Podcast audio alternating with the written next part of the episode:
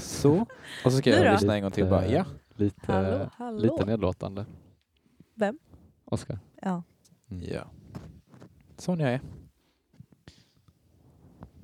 Ja, då kör vi.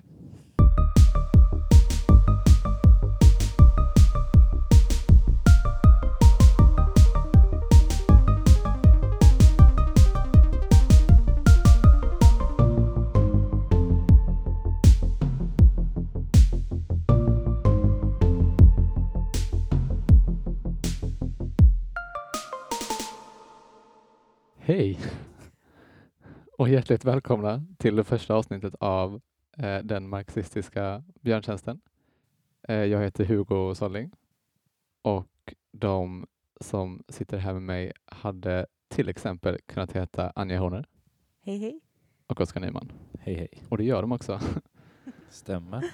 Vad ska vi göra i den här podden, Oskar? Tack för att jag fick den frågan. Passar över bollen. Känns toppen. Vi ska, ett, läsa kapitalet högt. Mm. Eh, framförallt Hugo. Mm. Ehm, Vi ska diskutera vad vi läser. Förstå kapitalet är målet. Mm. Just det. Det är verkligen målet. Ja. Sen ska vi även, vi kommer ta upp olika, olika tankar, olika videoklipp. Ehm, Kanske ja. mer eller mindre personliga grejer också som eh, relaterar till eh, personliga om eh, vår och författaren till kapitalet. Personliga om oss kanske, Ja, kanske. om man har tur. ja, exakt. Och eh, vill vi berätta lite om oss själva? Jag tar Ja. den tystnaden som ett nej. Okej, Det, kom, det kom så naturligt bara. Ja. Så jag, Vill du berätta lite om dig själv? ja, eh, jag Mm. har läst Kapitalet en gång innan, när jag var yngre. Petter. Just det. Det men det kan vara bra att veta. Och eh, som en lite intro så jag pratade, jag och Anja pratade om, om det och ni sa väl båda att det har varit en sån eh, grej man vill ha gjort, liksom. eller man vill göra det, men eh, det kan kännas svårt. Och eh, då kan jag ju bara intyga att det är supersvårt och ni borde inte göra det. Tack om ni för inte oss. har min hjälp då. Nej, men att det är ett bra sätt att göra det på. Försöka ta till sig det och höra. Ja. Vi tänkte väl att vi skulle det. göra den här torra boken lite mysig. Mm. Lite som att det var en ljudbok genom att eh, Hugo läser högt. Och vi Jag bara sitter och Exakt. myser och lyssnar. Ja, Jag- det, mm. Jag tänker så, först kom boken, sen kom eh, eh, mangan och nu kommer podden. ja. Ja. Så trappat upp det liksom. precis. Mm. Mm. Vill ni presentera er? Just det, det var det. Jag kan bara snabbt säga att jag heter Oskar Nyman. Eh, jag är musiker. jag har inget mer att säga om det. Jag har inte läst Kapitalet. Jag har knappt öppnat den.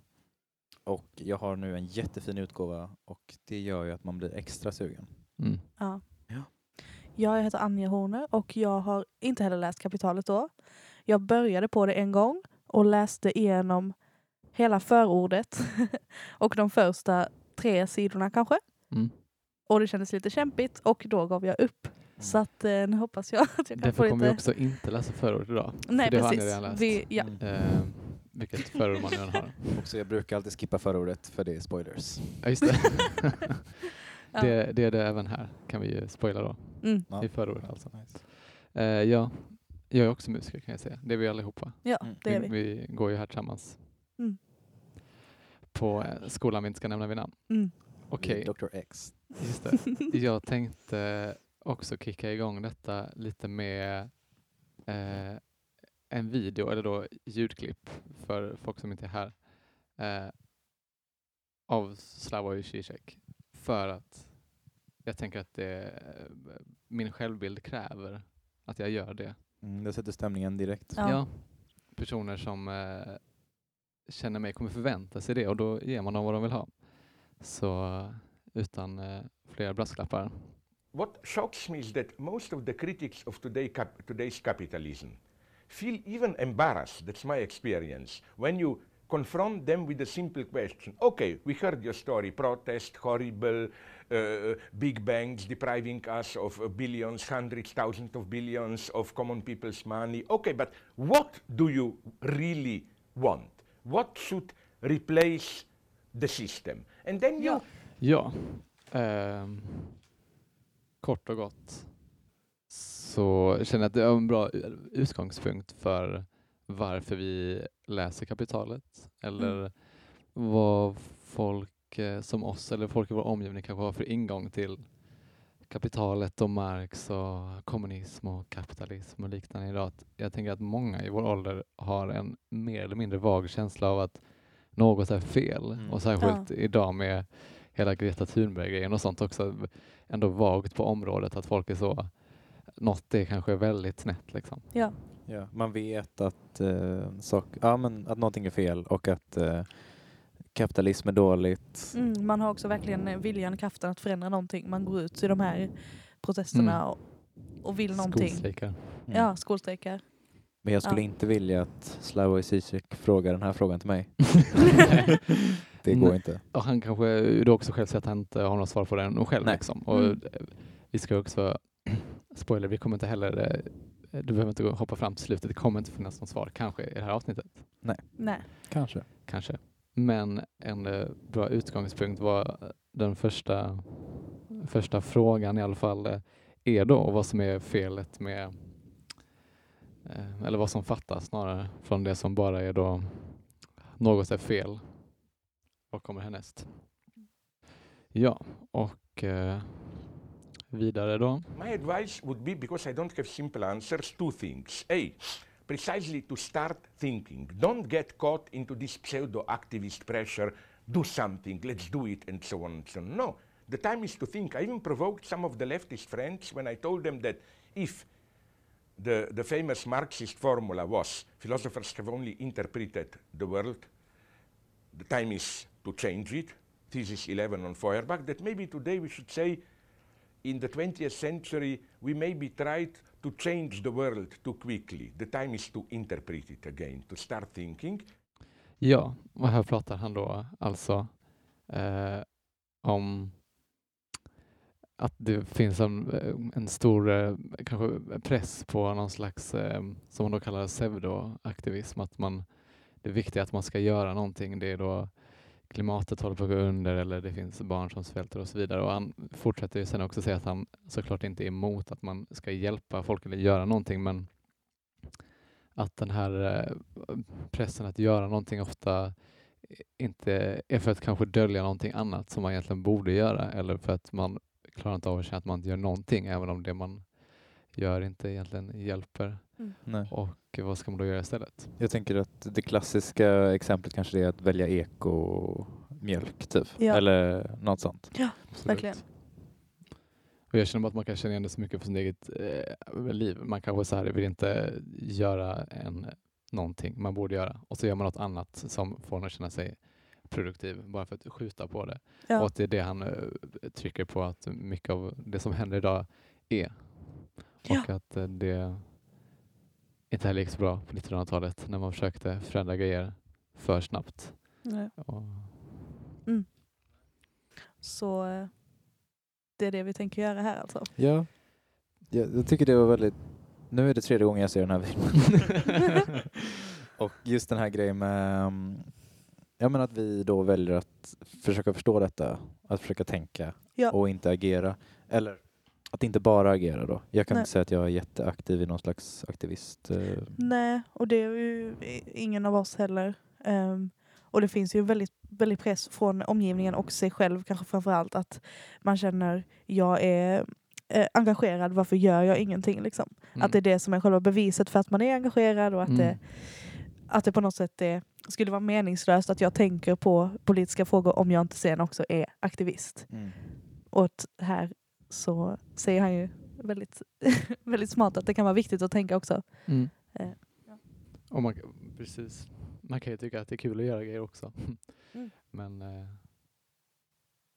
på order, Zizek, går vi tillbaka till källan. Ja. Som då är den här röda boken. Okej, då Ja. vet vi på eh, vems beställning vi gör detta. Mm. Eh, så då kanske vi, kamrat, Zizek. Då kanske vi ska eh, get to the source. Ja. Yes. Let's do it. Nu, nu ni.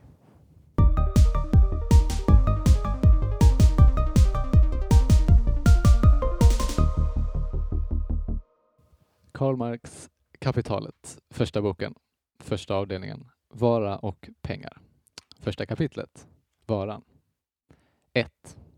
Varans två faktorer, bruksvärde och värde, värdesubstans och värdestorlek. I de samhällen där det kapitalistiska produktionssättet härskar uppträder rikedomen som en oerhörd varuanhopning, den enskilda varan som dess elementarform. Vår undersökning börjar därför med en analys av varan. Varan är först och främst ett yttre föremål, ett ting, som genom sina egenskaper tillfredsställer mänskliga behov av något slag. Karaktären av dessa behov, om de till exempel har sitt upphov i magen eller fantasin, ändrar ingenting i sak. Det är inte heller fråga om hur saken tillfredsställer eh, det mänskliga behovet eh, omedelbart som livsmedel, det vill säga som en förbrukningsartikel, eller på en omväg eh, som produktionsmedel. Varje nyttigt ting, såsom järn, papper och så vidare, är att betrakta ur två synpunkter med hänsyn till kvalitet och till kvantitet. Varje sådan ting är en helhet av många egenskaper och kan därför göra nytta på olika sätt. Upptäckten av dessa olika sätt och därmed tingens mångsidighet, mångsidiga användbarhet är en produkt av det historiska skeendet. Så även när man uppfann samhälleliga mått för så även när man uppfann samhälleliga mått för de nyttiga tingens kvantitet. Ska vi bara köra en liten, eh, en liten recap? Yes. Okej. Eh, Det börjar med en analys av varan. Ja. Vad en vara är för någonting. Just det. Eftersom eh, rikedomen uppträder som en oerhörd varuanhopning.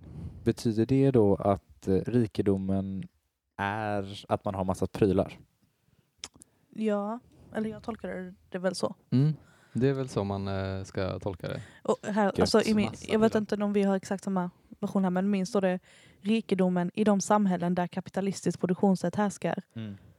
Just det. Så, Så det, Mm. inom kapitalismen så är rikedom en oerhörd varuanhopning. Mm. så man visar sin rikedom med prylar, saker. Mm. Typ. Mm. Precis. Och vad är då, ehm, vad är då en vara? Mm. Eh, mer specifikt än en pryl, Ja, eh, enligt Marx. en, Oskar? Jag menar med att du kunde svara på frågan. Så. Ja, Ja, ja, precis. Mm. Eh, Här står det då att en vara är ett yttre föremål, ett Mm. ting, som genom sina egenskaper tillfredsställer mänskliga behov av något slag. mm. Mm. Alltså en sak. Precis, och det är då också ehm, svårt att se att något som inte tillfredsställer ett mänskligt behov eller något som inte är av värde för människor är svårt att göra till en vara. Man kan försöka sälja bark men det är inte, kommer inte gå så bra kanske. Om det inte är någon som efterfrågar det och känner att... Just det. Och jag, Ja. bara, jag bara tar för givet att ingen gör det. Ja, nej, men, just det. ja. Mm.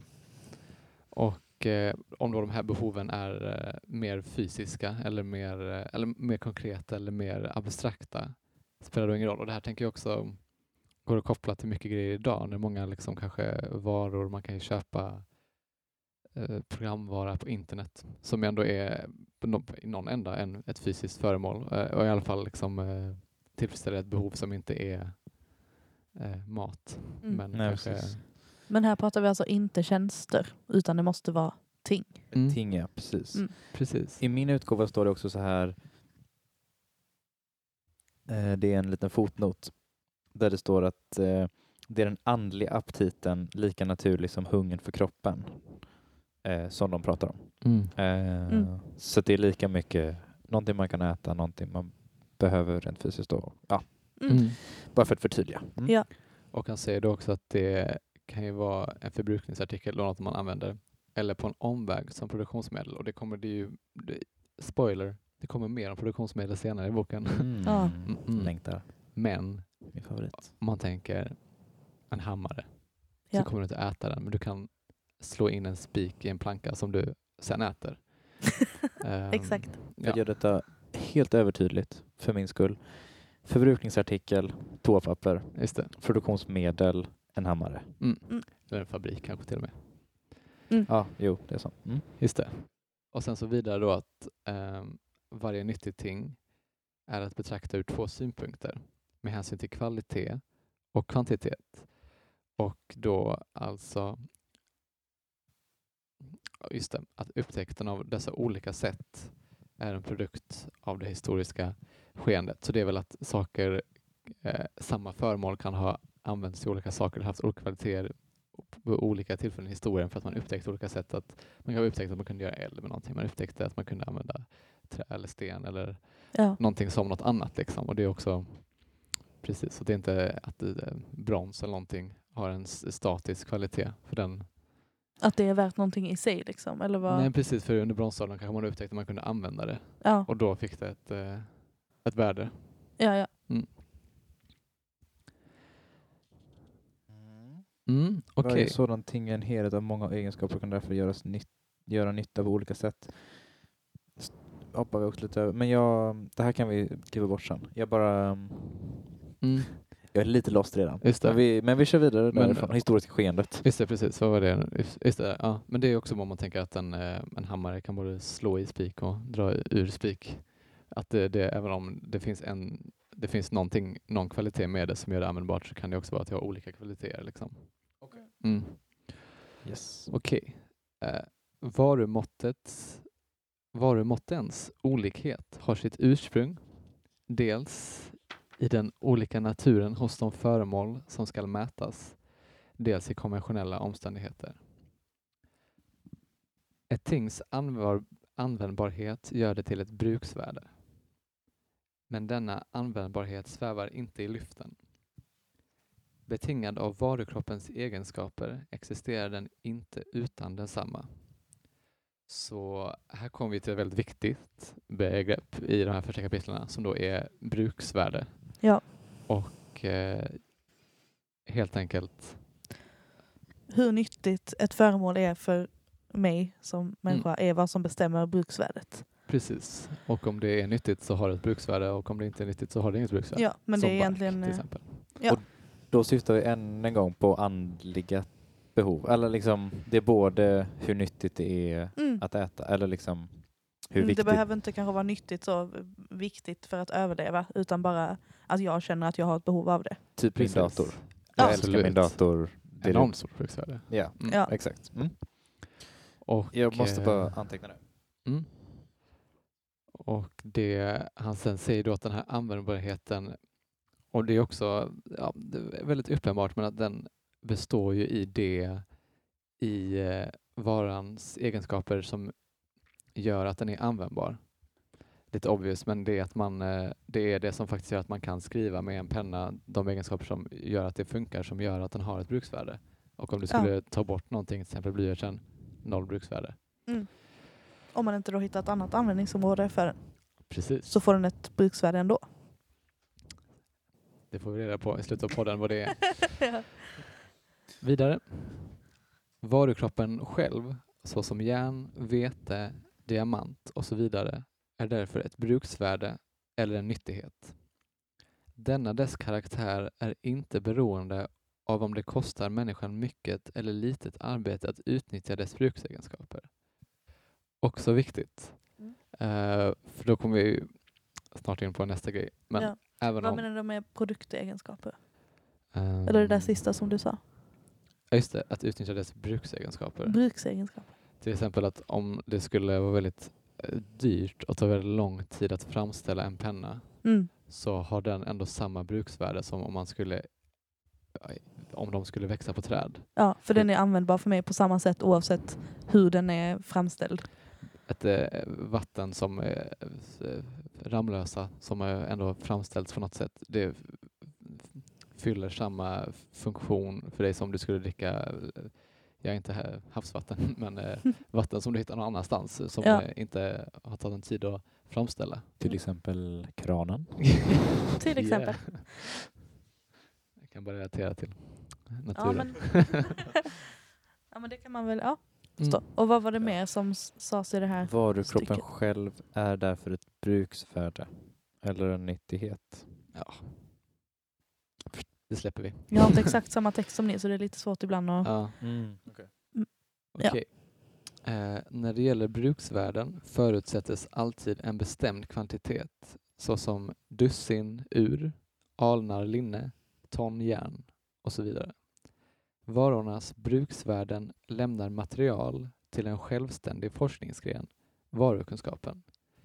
Bruksvärdet förverkligas endast i användningen eller konsumtionen. Bruksvärden bildar rikedomens materiella innehåll vilken dess samhälleliga form än må vara. I den samhällsform som vi har att undersöka utgör de samtidigt de materiella bärarna av bytesvärdet.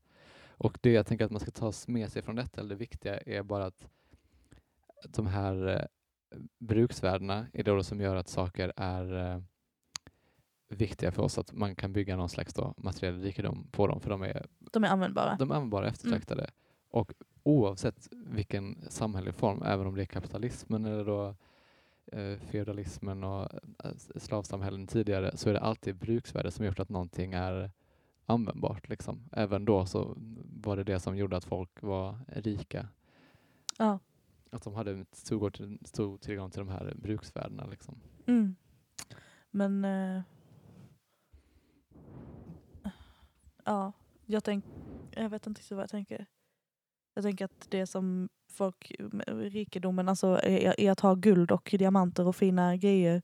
Bruksvärdet i det, alltså det enda man kan använda dem till är ju att visa upp att man är rik. Det är det Mm. som är själva bruksvärdet i att ha en guldpeng. Nu får du sluta spoila. Okej, Här har vi någon jag, som har jag läst. var, Men det...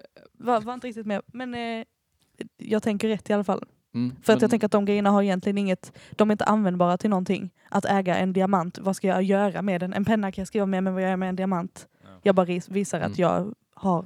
Men då kommer vi in på eh, nästa grej då som är... Mm, vi kan stanna är- vid det här då ifall Ja det... just det, nej men för bruksvärde det är väl en, ja, det är väl det som han presenterar på de här första sidorna liksom. Mm. Och, Varje vara har ett bruksvärde.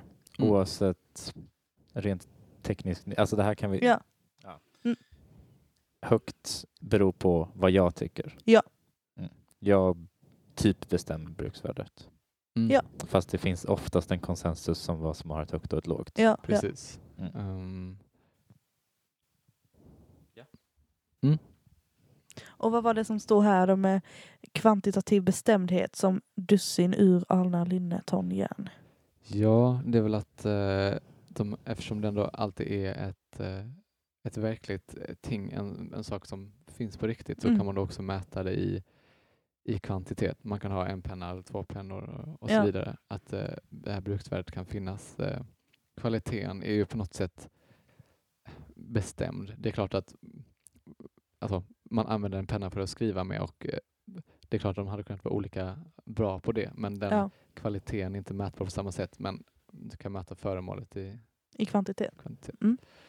Är bruksvärdet, ehm, är det liksom, um, förlåt, är det kvaliteten? Ja, precis. Och kvantitet är det som vi snackar om nu, att man kan bestämma hur mycket det är. Ja, men, men precis. Inte, det är ju också det som eh, kommer vidare till eh, Mm. den andra sidan av det här myntet. Mm. kör vi. Okej. Bytesvärdet uppträder framförallt som det kvantitativa förhållande, den proportion vari ett slags bruksvärden utbyts mot ett annat slags bruksvärden. Mm. Ett förhållande som ständigt växlar med tid och plats. Bytesvärdet förefaller därför som något tillfälligt och helt och hållet relativt. Ett inre immanent bytesvärde hos varan, alltså som en contradictio in adjecto. Snyggt. Tack. Ja. Och jag har absolut ingen aning vad det betyder. Det finns inte heller någon översättning här. Eh, Vi är långt ifrån Google. Ja. Ja. Skojar, förlåt. Dåligt. Nej men, eh, ja, men det är ju bara att eh, bytesvärdet är tillfälligt. Det finns inget, eh, inget konstant i... Eller det måste också vara väldigt liksom, personligt, subjektivt. Eh, hur många pennor tycker jag att en dator är värd till exempel om vi ska byta? Men precis, och framförallt om man mycket i kapitalet så diskuterar han grejer om att man, för att få bort någon slags subjektivitet så pratar han ofta om typ en genomsnittlig för typ en genomsnittlig människa för den här tiden eller eh, ett behov som är genomsnittligt eller allmänt. Liksom. Ja. Och eh, det är klart att man eh, idag så hade man kunnat eh, man kan byta grejer och de har helt olika, vi tycker om olika saker men han, eh, framförallt under olika tider på historien så har man kanske bytt eh, saker i, ja, i olika proportioner då. Om det är brist på potatis Då blir kanske- det då värdefullt. blir den värdefull. Ja, Men skillnaden då med, med bytesvärdet är att det, ja vi kommer ju vidare med det här, men det, det ligger egentligen inte då i varans fysiska egenskaper nej. utan bara i dess förhållande till hur man vill byta det med andra bruksvärden.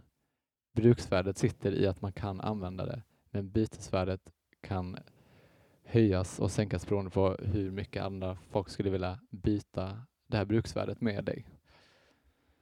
Nu förstod jag att det inte stod samma sak. Att bytesvärdet och bruksvärdet inte är samma sak. Just det, och det är en Ja. väldigt viktig skillnad och det är lite Ja. det som eh, händer här i början. Ja, Exakt. Eh, men eh, jag är inte säker på vad du sa här på slutet. Alltså att... Mm. Ehm, Men i princip att ett eh, bruksvärde består bara i eh, den, eh, den fysiska eh, produkten. Som Ja. till exempel en, eh, en kopp och om du förändrar den, om du till exempel skulle göra så att det blir hål i den, så kanske Ja. bruksvärdet försvinner. för då kan jag inte dricka ur den. Men det, ja, det tänker jag att jag är Just med det. på. Men så länge de fysiska egenskaperna är konstanta så eh, ja, bruksvärd, som sagt, bruksvärdet kan ju förändras om man skulle upptäcka nya sätt att använda det på. Mm. Men eh, Annars är det konstant helt annars är det enkelt. konstant. Men bytesvärdet Mm. förändras för det är det, den proportion vilket man hade velat eh, byta det här bruksvärdet med ett annat bruksvärde. Men varför förändras det då? Alltså är det så här i samhället vad som är liksom attraktivt typ? Eller vad? Ja, eh, jag antar det. Om ändå Eh, produkten är densamma. Men det är väl, eh, det, ja, jag hoppas han har Ska svar på det. Alltså en, eh, jag tänker... Jag vill ha ett exempel. Alltså jag tänkte någonting som inte är liksom en penna eller så. Nej. Jag, eh, Det som man kan väl säga enkelt, och nu kan vi också förekomma lite själv, med att eh, bytesvärdet är ju också, tror jag väl, priset eh, på en vara eller Mm. snarare Ja. att det finns ett starkt, starkt förhållande däremellan. Det kanske inte alltid stämmer, men det är så vi tänker på bytesvärde. Ja. Och det kan vara lite, detta kan vara lite så, inte intuitivt hur vi tänker på varor, men egentligen är det så att eh, det mesta vi möter hade vi kunnat tänka skulle ha ett, ett pris. Och då har vi ändå en intuitiv förståelse av vad dess bytesvärde hade kunnat vara. Ja. Och vi ser också alla varor som vad man ska använda det som. Ibland kanske det är väldigt oklart vad någonting eh, Ja. ska användas som. Men vi kan ändå se någonting i en affär att det här har ett bruksvärde och det Ja. är därför någon säljer det. Men då är det egentligen att vi byter det mot pengar. Så egentligen så byter vi det mot arbete. Precis, och nu har du ju spoilat hela Nu boken. är här. det 300 sidor in. Sorry. Så vi kanske ska gå vidare så ser vi Mm. vad, Ja. om det kommer klarna. Vi ska betrakta saken närmare. En viss vara, till exempel ett quarter vete, utbyts mot x pund läderfett eller i alnar siden eller z uns guld och så vidare. Kort sagt mot andra varor i de mest olika proportioner. Vetet har alltså inte bara ett utan en mångfald bytesvärden. Men då x pund läderfett liksom i alnar siden och Z uns guld utgör bytesvärden för ett kvarter vete måste x pund läderfett i alnar siden, Z uns guld och så vidare kunna ersättas med varandra eller med lika stora bytesvärden. Okej, så här säger han då helt enkelt att man ska kunna byta saker med varandra och att allting kan bytas mot allting. Och det, han börjar också tangera det här då som du sa om pengar. Det kan vara väldigt Mm. svårt att tänka att du kan byta eh, två fiskar mot eh, en, ett glas och sen kan du byta två glas mot eh, en dator och sen kan du byta Mm. tre datorer mot en ko eller någonting. Men hur många kor är då en, en fisk värd? Ja. Det vet jag inte. Men det, det viktiga här är alltså att bytesvärdet, ehm, alla varor har ett bytesvärde Mm. och det är en siffra mellan, alltså noll och allt liksom. Men det är en siffra liksom. Alltså om, man, om jag bara försöker Ja, konkretisera det Mm. så Det handlar om kvantitet. ja, Precis. Mm. alltså nu bara slänga ut en, en siffratanke då. En kopp, bytesvärde 20. En Precis. dator, bytesvärde 10 000. Ja men precis, för då kommer vi in Och på där det är vi inne på pengar. Just Men, det. eh, För det här då, men en, bytesvärdet uppstår då egentligen att en kopp, ja men hur många datorer är den värd? Precis, Mm. eller hur många koppar ska jag köpa för att det ska motsvara värdet av en dator? Men precis, och sen då om du vill byta datorn mot något annat och den grejen har också ett bytesvärde mot muggen och då börjar man Mm. också då, alla har det här bytesvärdet. med- Allting har liksom ett värde i förhållande till varandra Till på något sätt. annat. Ja, Precis. ja, precis till allting. Och därav följer för det första gällande bytesvärden för en och samma vara uttrycker en likhet. För det andra bytesvärdet kan överhuvudtaget endast vara uttryckssättet uppenbarelseformen för ett däri urskiljbart inre värde. Den första meningen där förstår jag inte alls faktiskt, så jag tycker vi släpper Och den. jag tror inte att jag har den här. Jag hittar inte den. Så att eh, det känns... eh, Därav följer för det första gällande bytesvärden. Alltså, nu när vi vet detta så är det så här. 1. Gällande bytesvärden för en och samma vara uttrycker en likhet. Ja, det tar det för sig själv. Eh, Ja, det är så självklart att vi inte förklara det. Jag känner också att det, om, om du lyssnar på detta och inte fattar det så kan du stänga av. Ja, Vi går vidare. Sluta nu. Men det andra då här, eh, bytesvärdet kan överhuvudtaget endast vara uttryckssättet uppenbarelseformen för ett däri urskiljbart inre värde. Ja, det känns som att det är lite mycket bara samma sak, olika lager på lager. Att det här då, någonting, han försöker väl säga det att man kan byta allting med allt och då vill man då tangera det du sa också innan. Oskar, om att det tyder på att det finns något inre värde då som, är, som sitter i den här grejen eftersom man då kan byta det mot både det ena och mot det andra. Så ja, då det här varför man vill byta det på just det sättet och varför Mm. många personer skulle kanske vilja, inte vilja byta två datorer mot en tekopp men tusen eh, tekoppar mot en, en dator. Mm. Ja, Eh, och vad är det som gör det värdet? Precis. Alltså är det är det, det? Men sen, ja. det, det, det har ju inte kommit än. Men Nej. Det, det, Bara en tanke nu då, alltså ett bruksvärdet igen då. Alltså, jag har jättemycket nytta för en kopp. En kopp. Superviktig. Ja. Två koppar, jättebra. Då behöver jag inte diska alltid Mm. liksom. Tusen koppar, totalt onödigt. ja, verkligen. Alltså, där tänker jag, jag har ingen, jag fattar, jag vet inte hur jag ska få in detta liksom. Men det är väl för att ett, ett bruksvärde alltid bygger på eh, kvalitet. Eh, det är någonting med en, en varas kvalitativa grej då, inte hur mycket det finns av den egentligen. Som, Just det, jag Nej. kan inte använda koppen till, jag kan inte använda tusen koppar till samma sak som en dator Nej. skulle kunna användas till. Men Nej. bytesvärde är bara kvantitet. Du bryr dig egentligen inte om eh, det, det är då liksom hur, hur många av detta behöver jag för att byta det av något annat. Men man Nej, måste ju utan- fortfarande bry sig om bruksvärdet. Det måste ju vara det som är själva grunden för att saker är olika mycket värda. Precis. Eh, det, så det finns ju något slags eh, ett väldigt nära förhållande mellan dessa som är både kopplat till varandra och lite motsatsförhållande. Ja. Eh, hade jag velat säga för det låter bra. Eh, Ingen fattar vad du menar. Nej. Fina ord Hugo. tack. Vidare. Vi tar ytterligare två varor, till exempel vete och järn. Vilket deras utbytesförhållande än är kan det alltid framställas i en ekvation i vilket ett givet kvantum vete sättes lika med ett visst kvantum järn.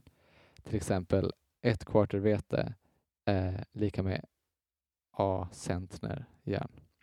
I, där kommer en fråga automatiskt för mig. Mm. Eh, utbytesförhållande. Vad betyder det? Men jag, tänker att det är lite då eh, matte här. Så om jag återgår till mitt eh, lite inkonsekventa exempel här med fiskarna och datorn. Ja. Eh, så om man då tänker att man behöver två fiskar för att byta till sig en dator. Då betyder det då att man behöver eh, en halv dator för att byta till sig en fisk. Och man alltid då, hur många fiskar man än har så kan man ju då med mattens hjälp räkna ut hur många datorer man behöver eller hur många delar av en dator. Om Som då- man kan få för sina fiskar. Precis, om Ja. du bara har en halv fisk så får du bara då en fjärdedels dator. Ja, Och om du har trist. fyra fiskar får du två datorer. Wow, det är en bra deal. Ja. Verkligen. Jag ska bara anteckna detta. Nej, 0,5 dator är lika med en fisk. Och ska gå till affären. Don't try this at home. Kids. Ja, jävligt bra exempel vi har här. Mm. Mm. Up to date. Man måste göra det eh, kapitalet eh, för massorna. Jag gillar också Mm. att han kör ju liksom läderfett och siden och vi kör liksom 50-50. Det är så fisk och eh, en Elon Musk-byggd bil. Jättesvårt att jämföra med varandra. Fäsk. Men yes, vi kör vidare. Vidare. Vad innebär denna ekvation? Att något gemensamt och av samma storlek existerar i två olika ting. I en quarter vete och likaledes i A centner järn. Kan vi, förlåt, Ja. bara så här då. Nej, ehm, quarter kan lika gärna vara kilo. Ja, Det har, liksom, det det. har ingenting med det att göra Mm, alls. det är egentligen Nej, bara liksom x vete är lika med y järn. ja. Alltså det är egentligen onödig... Eller? Det står här att centner för allmänt använd handelsvikt. Ja, precis. Mm. Det är det, jag- alltså så här. Där har vi en sån grej som verkligen skulle kunna uppdatera den här texten tänker jag. Mm. Alltså, Ja. Precis. Men vi, kommer, vi läser den Ja, som den är, Datorer och men fiskar och kilo. Det är bara... Ja. Ja. Tre moderna ord. Ja, Sen tack. såna här brittiska viktmått. Ja, precis. Och ehm, just det. Bägge är alltså lika något tredje som i och för sig varken är det ena eller det andra.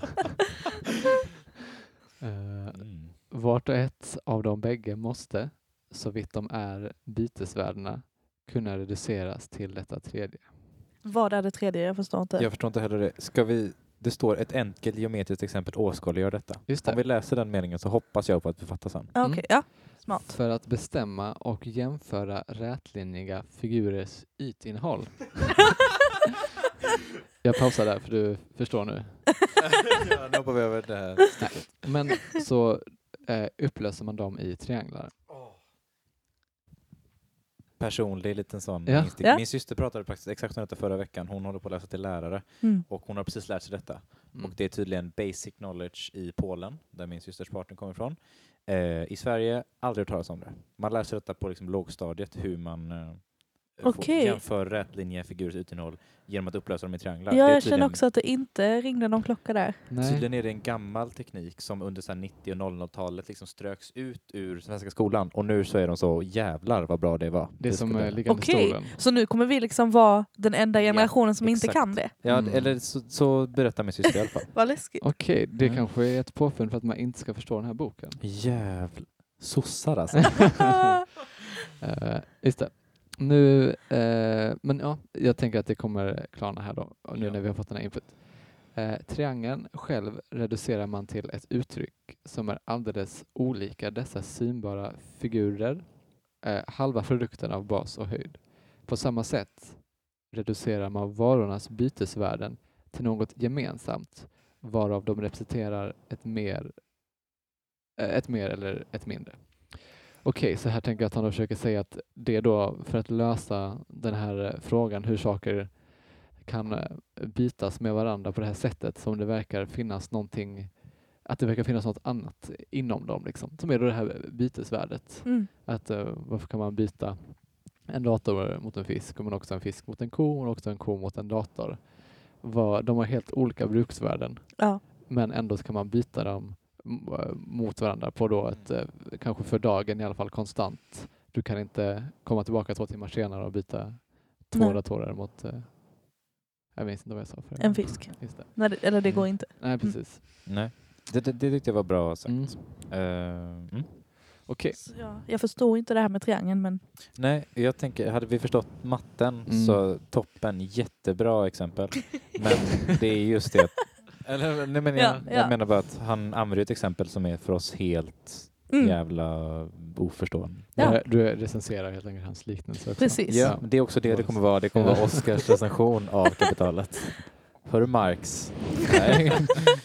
Fan, det ska vara relevant liksom framöver. Jag tänker att det är en dålig liknelse också bara för att det känns, alltså, han, han försöker visa någon slags bild men jag tänker att den kan bara göra det svårare så man behöver inte tänka Det, på det. nej precis, det känns som att det är lite onödigt komplicerat. Men om man går vidare så detta gemensamma kan inte vara en geometrisk, fysikalisk, kemisk eller annan naturegenskap hos varorna. Deras kroppsliga egenskaper kommer överhuvudtaget i betraktande endast i den mån det gör dem nyttiga, alltså till bruksvärden. Men å andra sidan är det just abstraktionen från deras nyttokaraktär som skenbarligen karaktäriserar varornas utbytesförhållande. Och då, Nu ja, hängde jag inte riktigt med här återigen för att jag inte har samma text men vi, vi pratar oss igenom det. ja, och det jag tänker här är att eh, han försöker, eller kommer komma in på att bruksvärden är alltid olika. Mm. Man kan ju eh, egentligen inte byta en dator mot en fisk med vem som helst för att de gör ju väldigt olika saker. Ja. Och eh, så länge man pratar om deras faktiska egenskaper så kommer man alltid prata om vad man har för nytta av dem. Ja. Men om man skulle låtsas att man inte vet vad det är för vara, om man skulle bara se någontings bytesvärde Ja. som vi, ja, då spoiler, pengar eller någonting, Mm. eh, men inte veta vad det är värt. Det är klart att du kan inte, någon om säger det, ja men vill du byta, så du kan få glasögon och så, ja, men jag, är inte, jag har inte samma synfel, jag vill inte byta dem. Men om de säger, okej mina glasögon är värda 500 kronor, om Mm. jag säljer dem och ger dem till dig, då vill du ju ha de pengarna. Ja. Mm. Eh, för att det bytesvärdet inte ligger i det specifika som ett bruksvärde är bra för. Okej. Det handlar inte om att glasögonen ser ut på ett visst sätt eller på att de känns på de har en viss kvalitet. Att utan de har funktionen av liksom... Nej. Nej precis, bytesvärdet ligger inte att de är just glasögon. Nej. Utan, eh, Så egentligen skulle man kunna säga då en hemlig låda med, med bruksvärdet 10 000 och en annan hemlig låda med bruksvärdet 10 000 Mm. och det skulle tekniskt sett skulle kunna vara tusen fiskar i den ena och en dator i den andra. Ja. just det, du menar bytesvärde? Nu menar jag bytesvärde ja. Precis, ja. Mm, förlåt. För att om, om du får en hemlig låda där det står här finns det ett bruksvärde som man då inte heller kan mäta i, i kvantitet. Här finns det ett bruksvärde och, och det finns ett annat bruksvärde i en annan. Då hoppas du verkligen att det är någonting du behöver i, Ja. i den du öppnar. Ja, Men om jag, de- jag gjorde fel liknelse. Visst För vad det? jag menade var faktiskt bruksvärdet. Jag Okej. menade att, eh, att eh, det finns en låda med 10 000 bru- bruksvärde 10 000 och bruksvärde 10 000. Mm. Eh, men att man då inte kan veta, alltså så här, ett bruksvärde är inte lika, alltså det är inte samma sak bara för att det är samma siffra. Men Nej, precis, precis. om det då är någonting du behöver den ena så vill du ha det. Liksom. Det är också Mm. därför det är svårt Mm. att mäta bruksvärde, eller man kan inte mäta bruksvärden i siffror. För att, För att det är subjektivt eller? Men precis, det jag försöker säga är att om vi har en låda med en sko i den ena och sen så en halsduk i den andra. Om du behöver en sko eller om du bor på ett ställe där det inte behövs en halsduk, då finns det ju inget bruksvärde Mm. i, eller att de i alla fall så uppfyller de olika bruksvärden. Ja. De bruksvärdena går inte att på något sätt eh, med, säga, alltså, jämföra, men om du ser lådorna att den ena har ett bytesvärde, eh, om den här halsduken skulle ha ett bytesvärde, som om det till exempel bestod av guld, Mm. som då var tiodubblat mot skon, då skulle du välja den även om inte den har något bruksvärde för dig. Ja. För att det här bytesvärdet gör att du kan byta till dig. Något som du skor. faktiskt vill ha och behöver. Ja, Ja. precis. Vi, har, vi kan köra på lite Mm. till tror jag. Okej. I detta gäller det ena bruksvärdet precis lika mycket som det andra om det blott förelägger i rätt proportion. Eller som den gamle Barbon säger. Den ena varusorten är lika god som den andra om deras bytesvärden är lika stora. Det existerar ingen differens eller distinktion mellan ting med lika stora bytesvärden. Som bruksvärden är varorna framförallt av olika kvalitet. Som bytesvärden kan det endast vara av olika kvantitet och innehåller alltså då inte en enda atom bruksvärde. Yes, det här var jättebra tyckte jag. Ja. Man kan inte prata om olika kvaliteter av bytesvärde. Man kan inte säga att ja, men den här är då värd 100 kronor. Ja, men vilken slags 100 kronor? Mm. Vi har bara, alltså det, det bytesvärdet är, det är inte fråga om olika sorters utan det, det, är, det är värt någonting. Eh, nu förstod jag. Jag, jag. jag tror jag förstod det innan du sa det. Vänta. Just det, sen blir det värre. Nej, men jag, jag, jag, bara går tillbaka till det då. Den ena varusorten är lika god som den andra om deras bytesvärden är lika stora. Det existerar ingen differens eller dis- distinktion mellan ting med lika stora bytesvärden. Så nu pratar han bara om bytesvärden. Eh, Mm. Som bytesvärden kan de enas vara av olika kvantitet. Ja, Mm. Precis. Mm. yes. Man ska inte blanda ihop kvalitet och kvantitet. Mm. Nej. Mm. Yes. Vidare. Bortser man nu från varukropparnas bruksvärde så återstår de endast en egenskap, nämligen att vara arbetsprodukter. Emellertid har även arbetsprodukten redan förvandlats under våra händer. Bortser vi från dess bruksvärde, då bortser vi också från de kroppsliga beståndsdelar som gör den till ett bruksvärde. Det är inte längre fråga om bord eller hus eller garn eller något annat nyttigt ting. Arbetsproduktens hela struktur är utplånad. Nu är det inte heller fråga om en produkt av snickararbete eller byggnadsarbete eller spinneriarbete eller eljest av något bestämt produktivt arbete.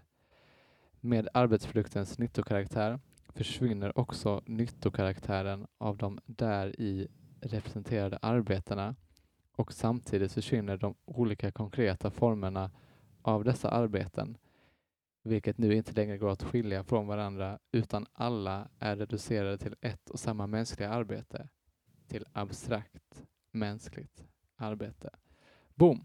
Och det var en, en lång men väldigt viktig mening. Eller Ja, Vi stycke. kanske kan prata om den lite också. Mm. Mm. Okej, det känns lite invecklat här men han börjar då komma in på lite olika viktiga saker. Ehm, Bortser man nu från varukropparnas bruksvärde så Mm. återstår de endast en egenskap, nämligen att vara arbetsprodukter. just det, Mm. alltså då något, en, en produkt av någons arbete. Ja. Mm. Bruksvärdet, hur viktig den är för mig. Mm. Men om man tar bort hur viktig den är för mig så, Ja. så är den också någons arbete. Ja, Just det. men hur funkar det med saker som ingen har arbetat för att framställa? Ja, alltså du är alltid steget före. Och, Vi kan ta det sen då. eh, Vi kan, ta, vi, kan, vi kan lämna det som en liten... Ja. eh, Du är lite för bra för det här. Anja. lite till... Eh, men precis som Oskar sa. Och eh, Okej, han försöker då få oss att föreställa att om vi kan eh, ta bort de olika kroppsliga beståndsdelarna från någonting eh, så att om vi tänker att det inte är just specifikt ett bord eller specifikt ett hus eh, då försvinner också det specifika arbetet som har gjort det. Så om vi återgår till det klassiska marxistiska exemplet fisk och dator. Ja. Så om vi tar bort, och det kan man ju egentligen inte göra, men om vi tänker oss att vi tar bort alla de fiskiga egenskaperna från fisken. Oh, det här var ett toppenexempel har jag. Tack. Tar vi bort alla de datoriga egenskaperna? Än en gång är det steget före. då tar man också bort, för det, det som är då han har konstaterat är att det finns, de här är arbetsprodukter. Mm. Och det är det som, eh, om vi då tar bort alla de fiskiga egenskaperna från fisken, då tar vi också bort då eh, fiskandet. Det är det som man producerar fisk med. Inom Det är det arbetet som har lagts in för att få fram fisken. Precis, att Mm. någon har fiskat det. Och Mm. om man tar också bort det specifika tekniska arbetet som krävs för att eh, producera en dator. Och ja, återigen, det kan kännas som att han kanske vänder på orden mycket, men han försöker väl få oss att föreställa att det finns någonting som heter abstrakt mänskligt arbete. Att oavsett vad det är för konkret grej man producerar och oavsett vilken nisch man har så kan man på något sätt likställa Precis som man kan likställa olika varor, olika bruksvärden, kan man också likställa olika arbeten. Ja. Att om man tänker att ja, men det är inte just specifikt snickeriarbete utan just specifikt eh, eh, vad han sa. Byggnadsarbete, spinn, ja. Just det, utan det är bara arbete. Och det kommer han då gå in på vad, vad man då säger att det här allmänna eh, arbetet eh, är för någonting. Eller ja, ber oss att kunna. Och det tänker jag att man kan föreställa sig Mm. vad det är. Liksom. Ja. Ja. Så det viktiga här är att Det är jobb bruksvärdet enkelt. är ett arbete. Precis. Nej, om man tar bort, förlåt, nu, det här stryker vi. Så det viktiga här är alltså Mm. att om man tar bort bruksvärdet så finns det bara en sak kvar och det är det mänskliga arbetet. Just det. Mm. Abstrakt mänskligt arbete, all Ja. sorts arbete. Han försöker ju här, det här exemplet med triangeln och liknande, han försöker ju måla upp en bild av att det finns någonting i produkterna som ger dem ett bytesvärde som är då något lite mystiskt. Ja. Det, man kan byta det med varandra och, men det består egentligen inte till vad man har för nytta av det och det är inte det är lite så mystiskt, vad är den här tredje grejen som finns? Precis. Och då han säger om man tar bort allt annat för att få reda på vad det är, då får man reda på att det är abstrakt mänskligt arbete. mm. Mm. Det är det som är själva essensen. Ja, Ja. Nu snackar vi essenser. Mm. Vidare. Låt oss betrakta arbetsprodukternas residuum. Vad betyder det? Nu kommer jag få många glasögonormar i min mailinbox. Eh, Men jag har ingen aning vad det betyder. Super... Just det. Jag kommer googla detta nu, för det här känns som ett ord vi behöver förstå. Mm. Mm.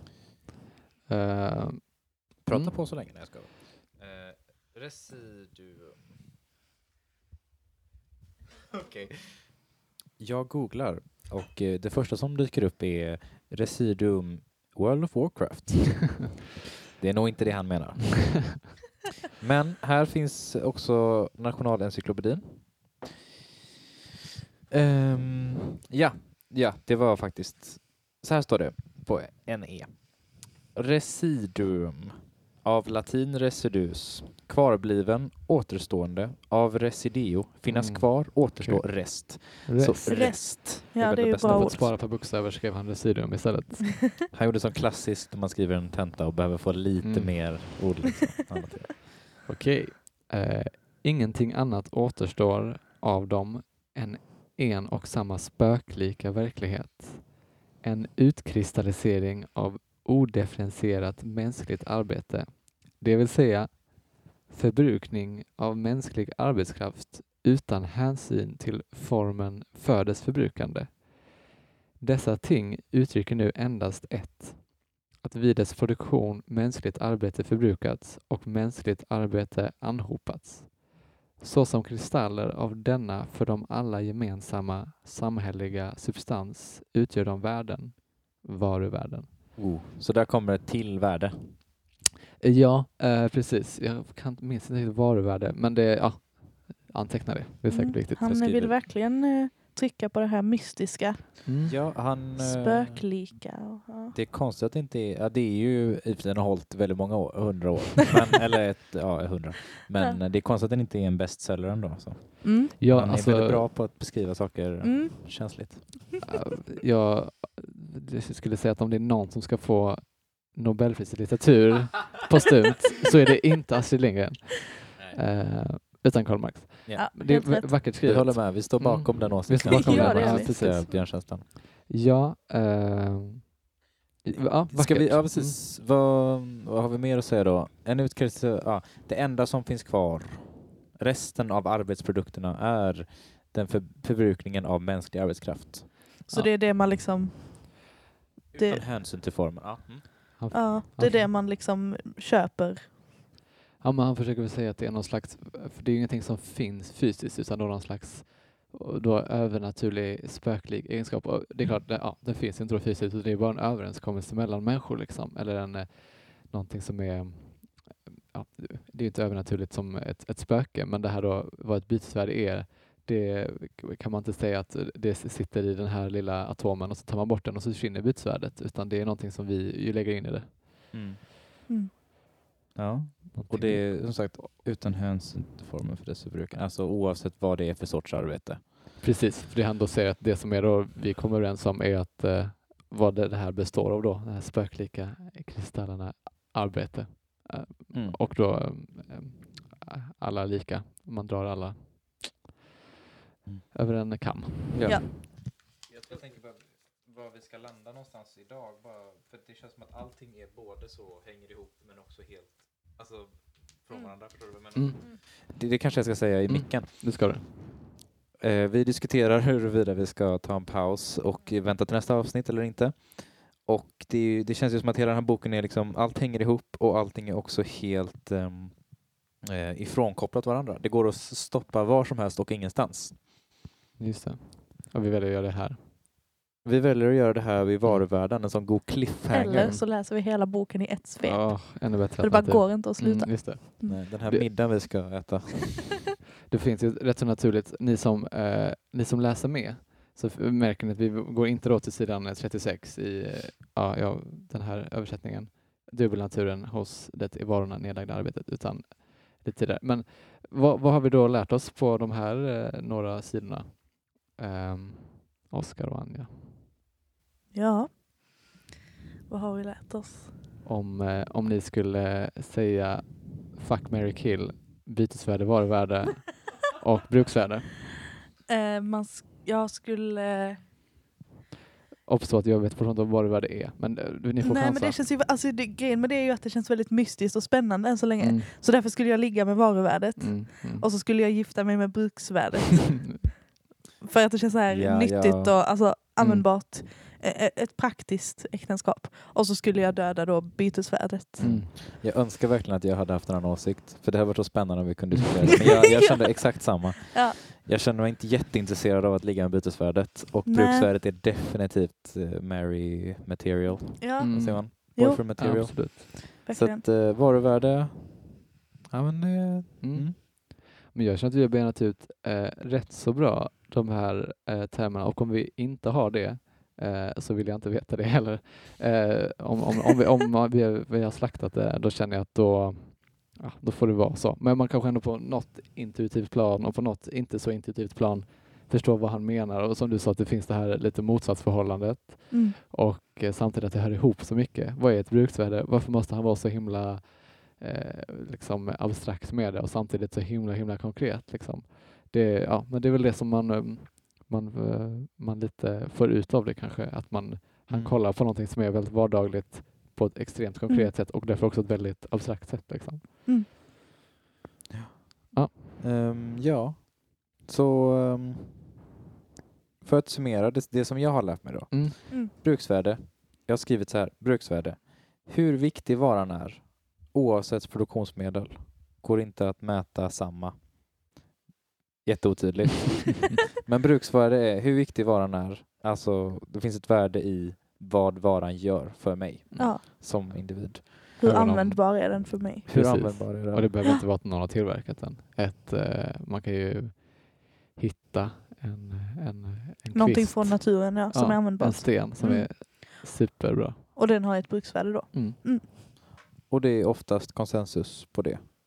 Mm. Vilka saker som har ett högt bruksvärde. Precis. Ja. Men precis. för mig, glasögon har inget bruksvärde. Nej. För personer med glasögon, Anja, looking at you. Ja. Eh, jättebra, jätteviktigt. Ja, precis. Eh, ja, jag kör på Ja, bytesvärde. Ehm, det är också det som kommer liksom morfa in till pris ungefär. Ja. Ja, Give or take. ja men det, man börjar ju komma in där. Ja, det finns det är alltså kvantitet. Ehm, ja, utbytesförhållande. Mm. Jag har gett bytesvärde, kvantitet. Mm. Eh, det förändras delvis på grund av samhället. Exempel kan vara en dator som blir gammal.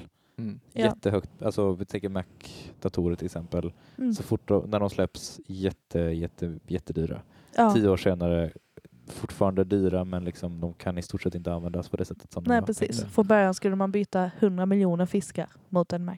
Ja. Och sen Mm. efter tio år så kanske man kunde tusen Nästan fiskar. att en fisk är bättre. än ja faktiskt. Ja. Mm. Så Eh, pass. Ja. Och det kommer också nog, eh, jag vill bara också lägga en brasklapp om det är så att, eh, att jag har fel.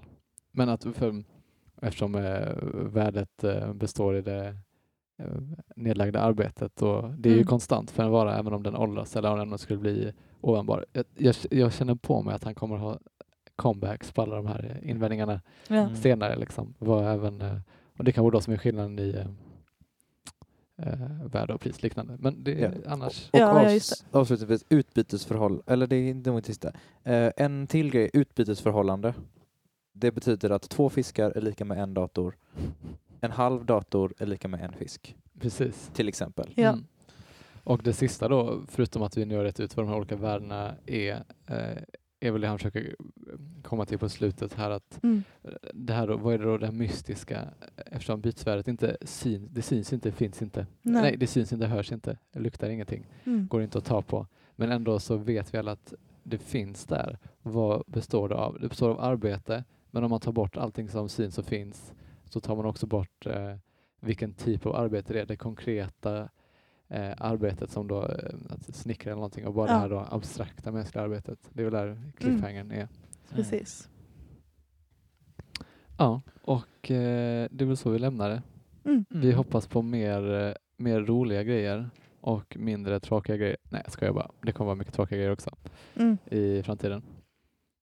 Ja, ska man läsa kapitalet så får man ta det onda med det goda. Visst Så är det.